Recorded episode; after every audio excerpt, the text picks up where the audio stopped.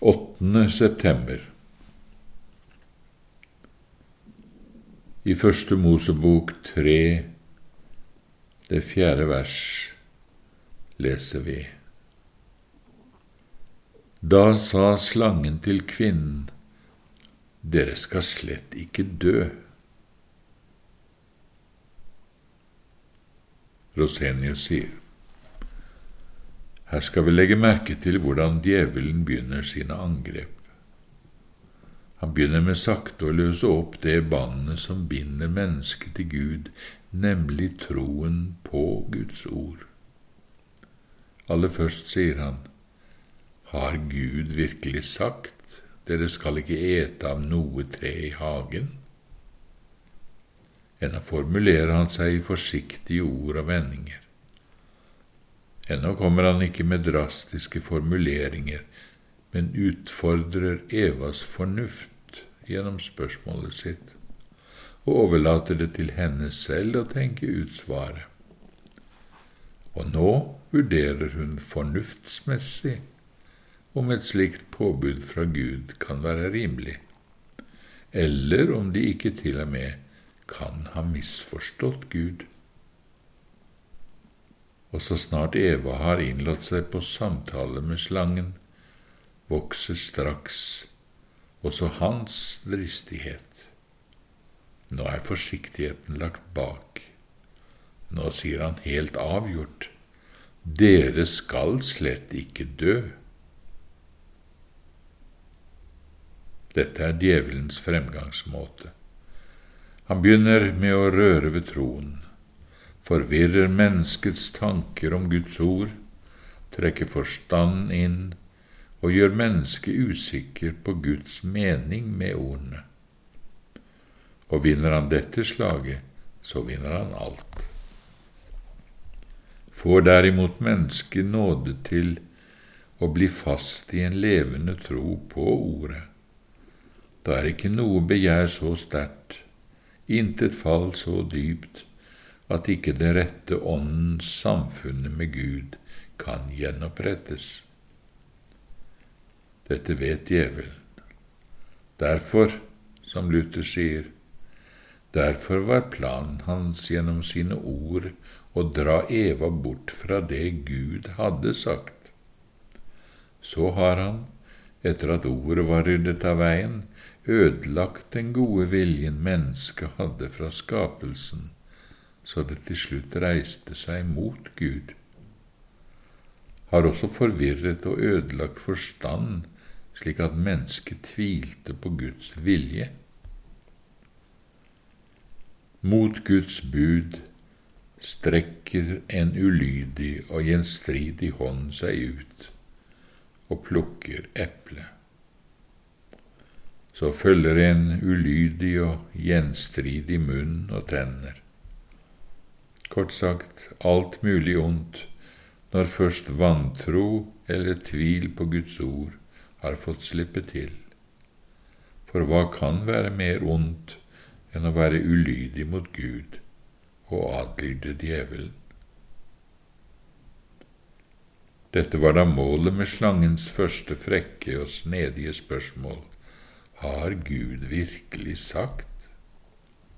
Og med disse ordene dere skal slett ikke dø, som om han ville si, dere er sannelig lett å narre hvis dere tror Gud har sagt noe slikt.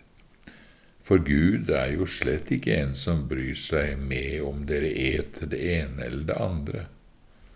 Og dessuten, hvis dere er satt til å herske over hele jorden, skulle dere da være bundet av noe slikt, så dere ikke skulle kunne stå fritt til å ete av alle trærne i hagen. Vil ikke det være helt i strid med det Gud har sagt? Se, jeg har gitt dere hver plante som setter frø, og som finnes på jordens overflate, og hvert tre som gir frukt med frø i, de skal være til mat for dere. Dette er måten den gamle slangen arbeider på for å forvirre kvinnen og skape uvisshet og vantro overfor Guds ord. og akkurat samme måte går han fram på i dag.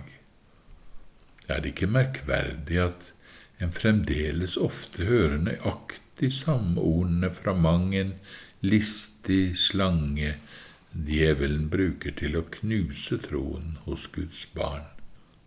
Har Gud virkelig sagt? Har Gud eksempel virkelig sagt at den som ikke holder hele loven, skal bli fordømt?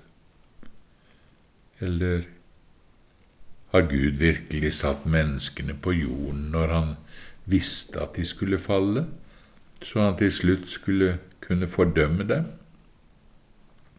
Eller skulle Gud virkelig la en uskyldig lide for de, uskyld, for de skyldige? Har Gud virkelig sagt at han vil ikke holde den uskyldig som misbruker hans navn?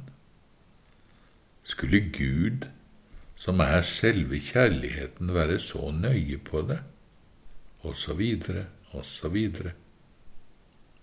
På denne måten styrker djevelen de ugudelige i sin selvsikkerhet. Dem hjelper han til en urokkelig tro på Guds godhet, på at intet ondt skal ramme dem. Dere skal slett ikke dø, sier han.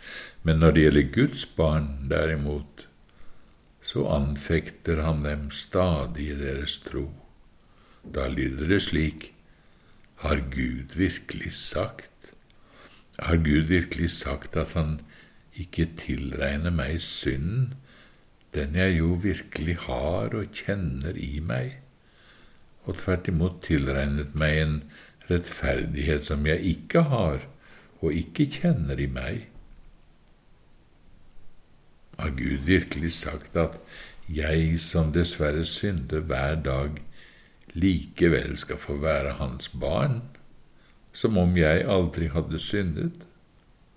Og alt dette bare for hans egen sønns skyld, som ga seg selv for våre synder? Eller har Gud virkelig sagt at Han er nær oss alle dager, og dermed også i mitt lille rom og hører alt jeg ber eller sukker om, osv.